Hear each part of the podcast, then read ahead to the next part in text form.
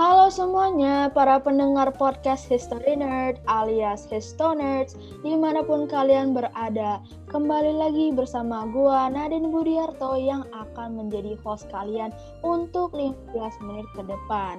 Histonerds, di tahun baru ini kita semua dapat merasakan kemerdekaan yang begitu indah bukan? Dan semuanya itu dapat dicapai berkat para pahlawan yang sudah berjuang mengusir para penjajah.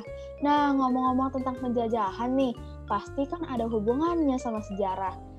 Di studio gua sekarang telah hadir Kak Febri dan temannya Kak Seska, tapi lebih diakrab lagi dipanggil Kak Kay. Mereka berdua adalah penggemar berat sejarah yang sukses meraih perhatian gua nih. Halo semuanya, aku Febri, very delicious. Halo Histoner, Saska di sini. Tayo panggil aku pakai K aja ya, hehehe. Nah, karena sudah ada dua narasumber kita hari ini, kita basa-basi dulu aja kali ya sebelum masuk ke pertanyaan intinya. Nah, gue mau nanya nih ke kalian. Kalian kan anak milenial ya, Gen Z gitu. Nah, kalian suka nggak sih hal-hal yang berbau Jepang gitu? Hmm, Jepang ya? Gue ada sih, tapi mungkin coba kakek dulu ya. Biar kalau sama, bisa diskusi bareng. Wah, kalau dipikir-pikir sih suka banget juga enggak. Karena gue cuma nonton beberapa dari anime-anime mereka aja gitu. Wah, sama banget kayak gue. Gue juga suka nonton anime-anime gitu. Seru banget. Kak Nadine juga harus nonton ya kalau ada waktu. Hehe. Kalau Kak Nadine sendiri suka apa nih dari Jepang? Wah, jadi kalian suka anime-anime gitu ya? Keren, keren, keren. Mungkin gue juga harus belajar nih tentang anime sama kalian. Hmm, gue kalau Jepang cuma tahu hal yang berkaitan dengan sejarahnya doang sih. Wow, sejarah Jepang. Kami juga suka tuh sejarah Jepang.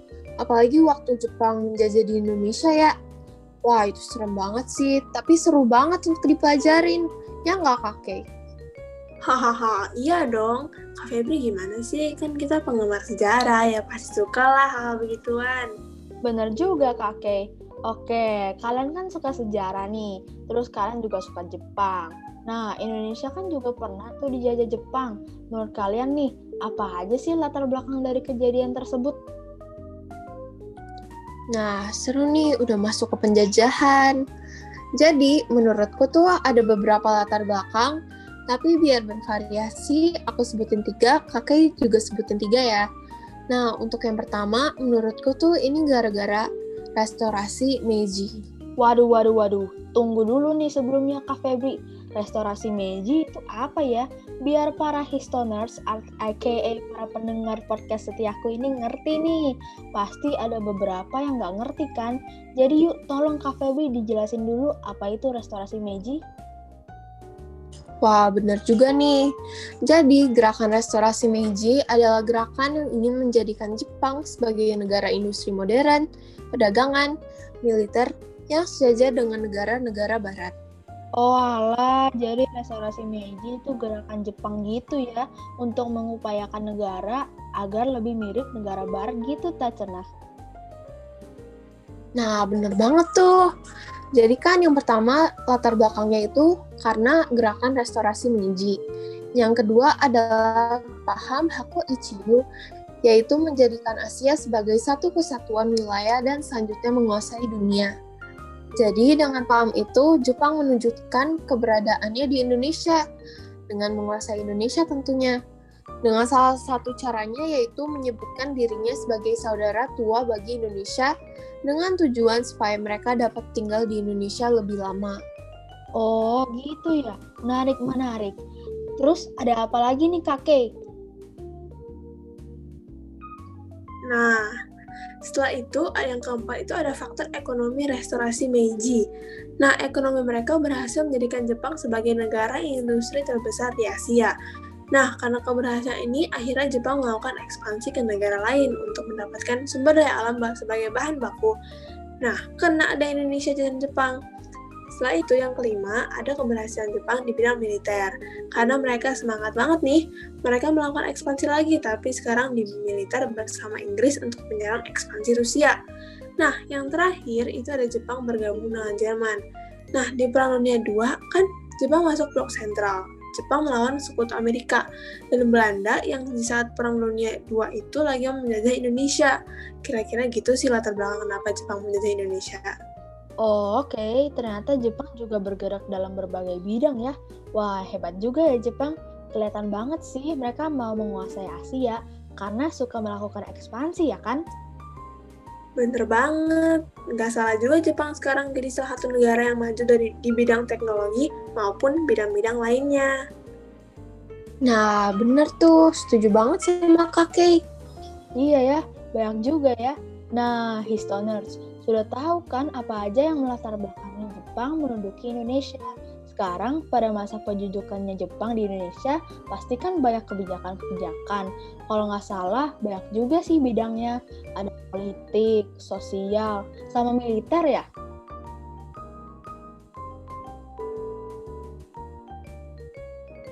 Iya, bener banget nih, Cinte. iya iya. Nah itu gimana sih ceritanya kak? Kok bisa ada kebijakan kebijakan Jepang pada waktu itu? Kakek, ini bagian gua aja.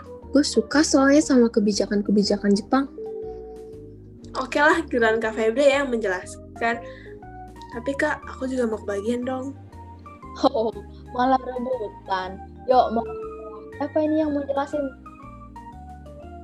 Ah, aku aja, Kak. Oke, dari itu kebijakan Jepang di Indonesia tuh banyak banget dalam berbagai bidang.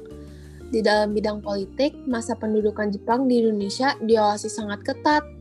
Nah, cara mereka adalah menggunakan organisasi sebagai propaganda untuk menarik simpati Indonesia, seperti Gerakan 3A, Utara, dan Jawa Hokokai.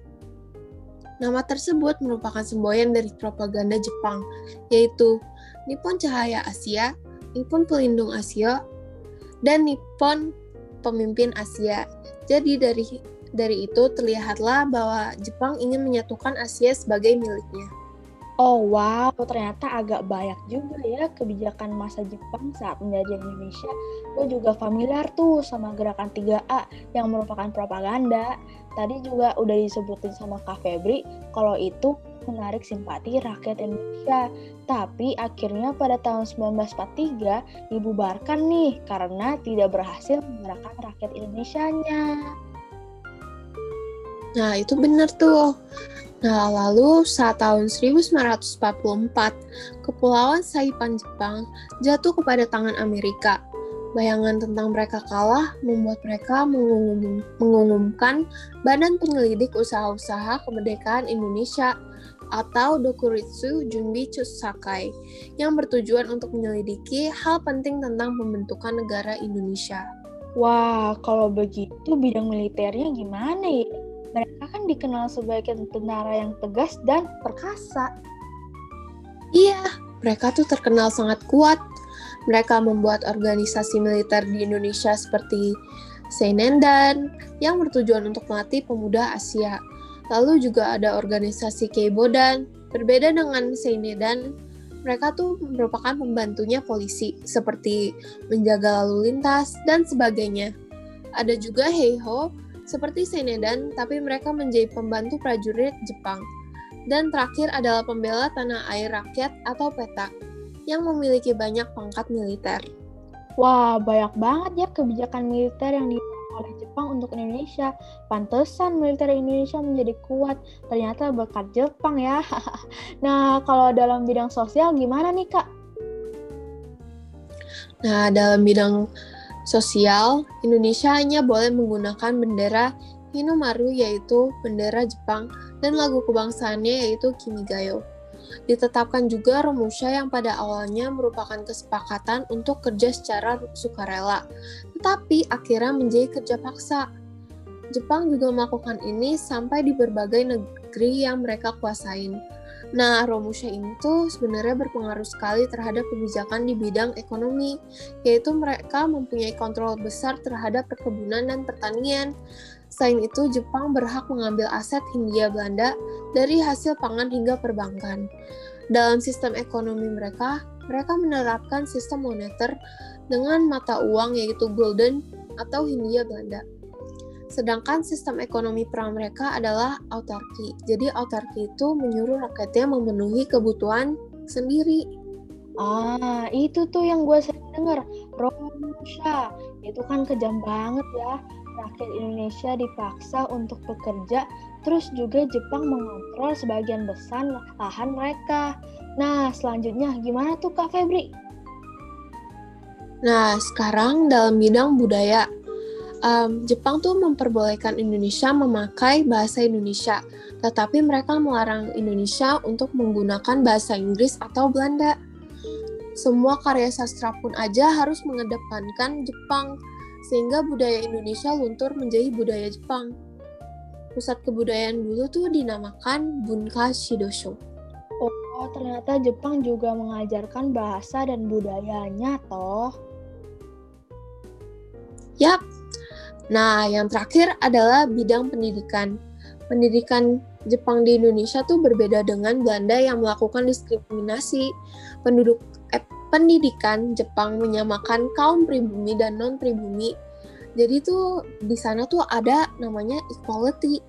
Peraturan pendidikan mereka yaitu dengan menggunakan bahasa Melayu yang merupakan bahasa pengantar dan melarang penggunaan bahasa Inggris dan Belanda seperti yang aku tadi bahas tadi. Bahasa Jepang wajib dipelajarin juga. Struktur pendidikan Jepang memiliki masa pendidikan selama 6 tahun. Jadi SMP dan SMA masing-masing mempunyai masa 3 tahun. Wah, kalau kita dulu tinggal pada zaman itu, kita bisa bahasa Jepang tiap hari ya. Nah, sebelum masuk ke dampak-dampak nih, ada nggak sih sifat-sifat pendudukan Jepang itu?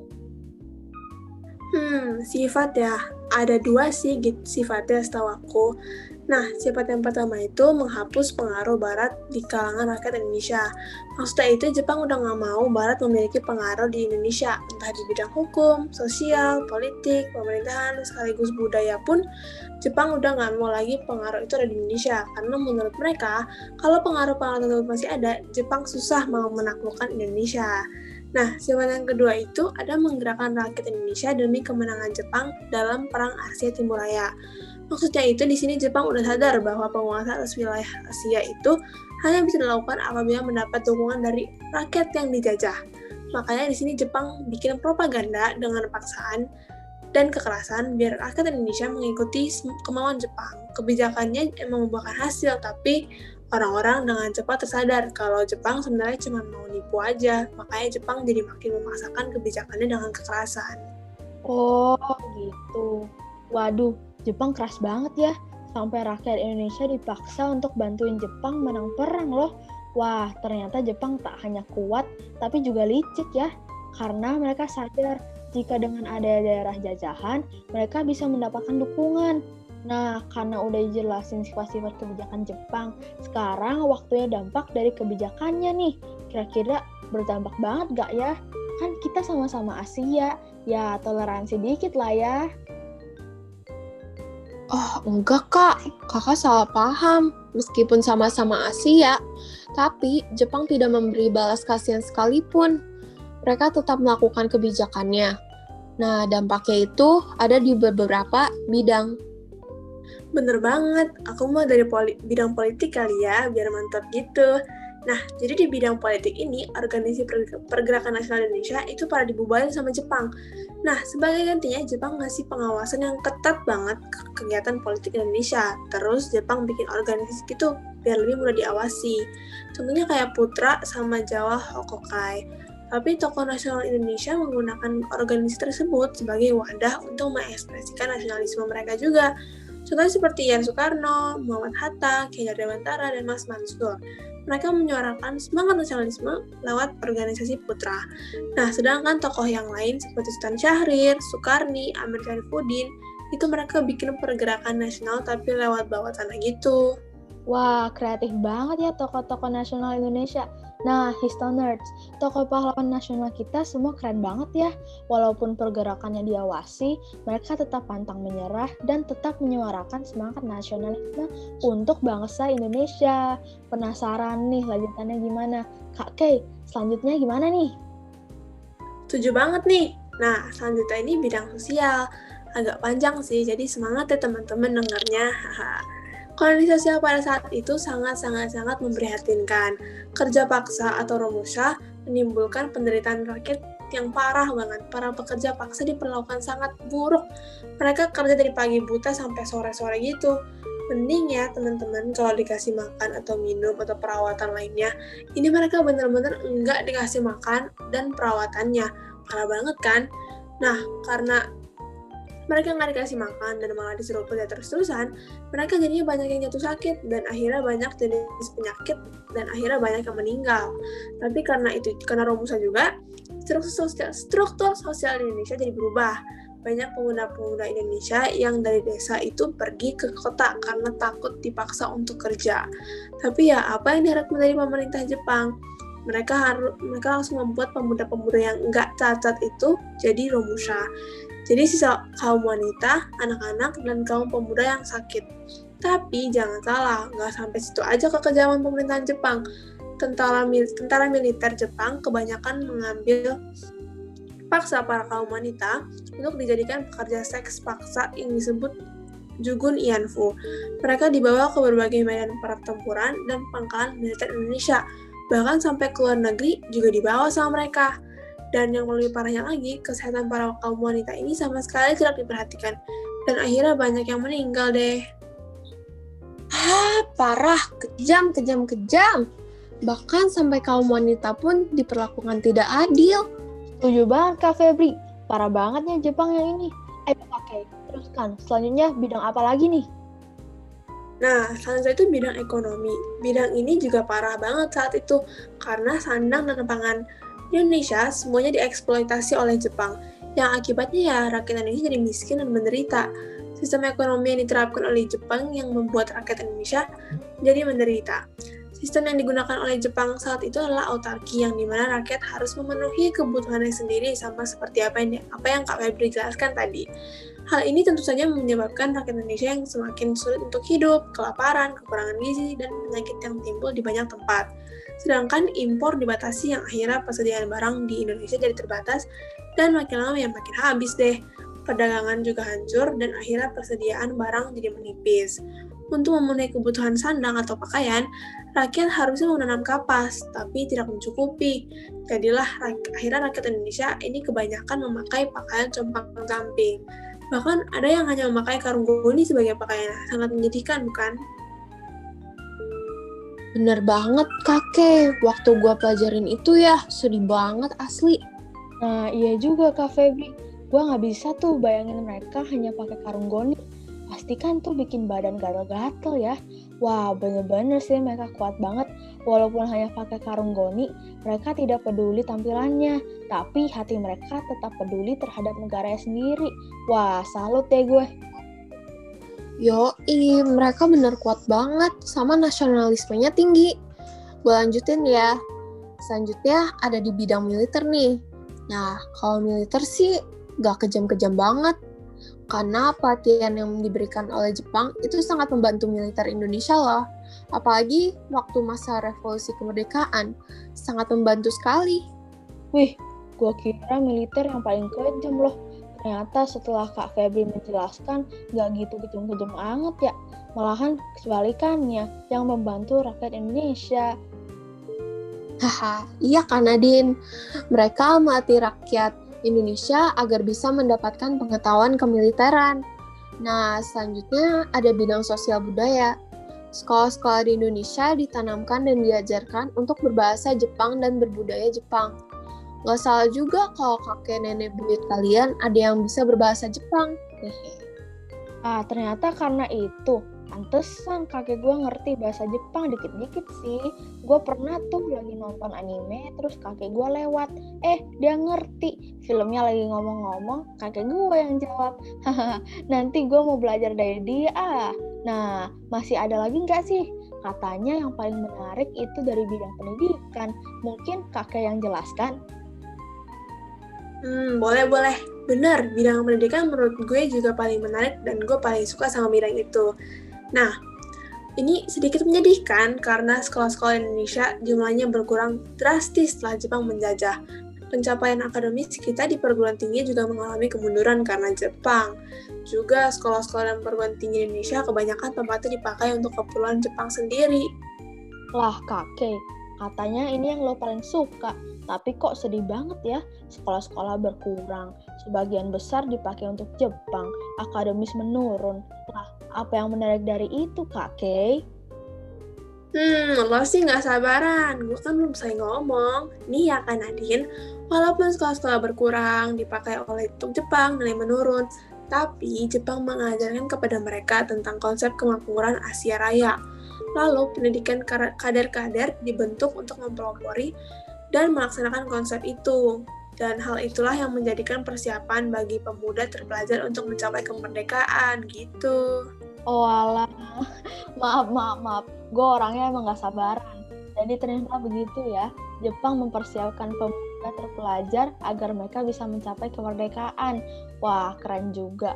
Nah, kan ini udah tadi ada kebijakan, terus dampaknya. Yang terakhir nih, respon rakyat Indonesia. Kira-kira gimana ya? kan lagi dijajah nih. Mereka memberontak kah? Atau malah nurut? Atau gimana nih Kak Kay, Kak Febri? Sabar Kak Kay.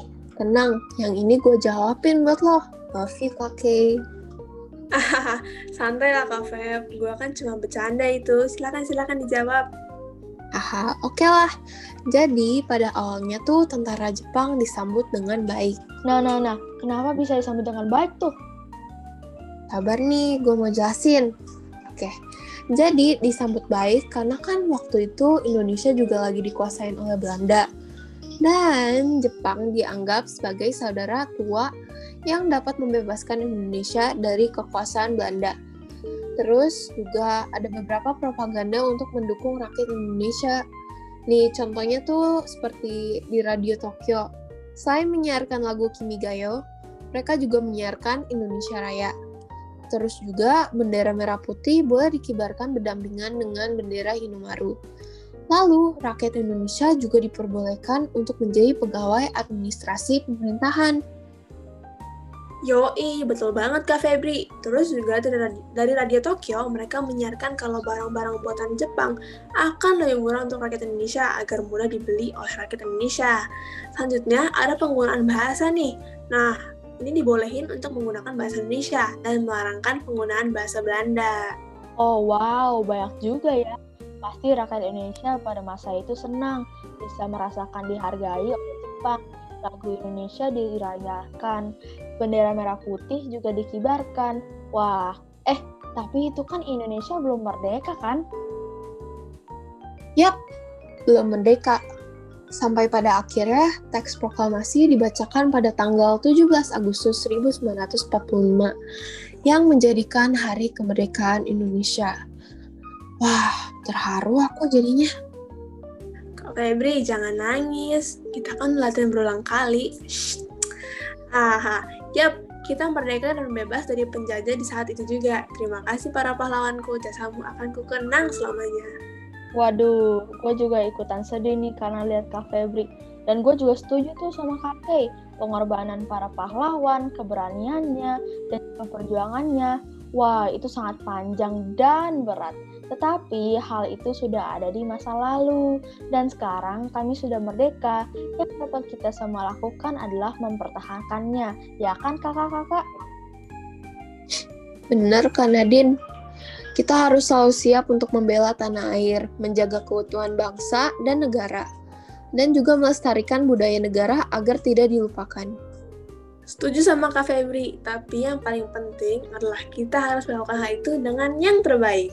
Keren, nggak salah gue ngundang kalian. Haha, oke oke. Histoners, sebelum gue undur diri, gue cuma mau ingetin nih, kalau kita sebagai rakyat Indonesia udah bebas dari penjajah. Jadi kita harus mempertahankan negara ini, tidak boleh memecah belahnya, oke? Okay? Gue Nadine Budiarto dan kedua bintang tamu lucu kami. Gue Kay. Gue Febri. Dan kami pamit undur diri. Bye-bye. Bye-bye. Bye.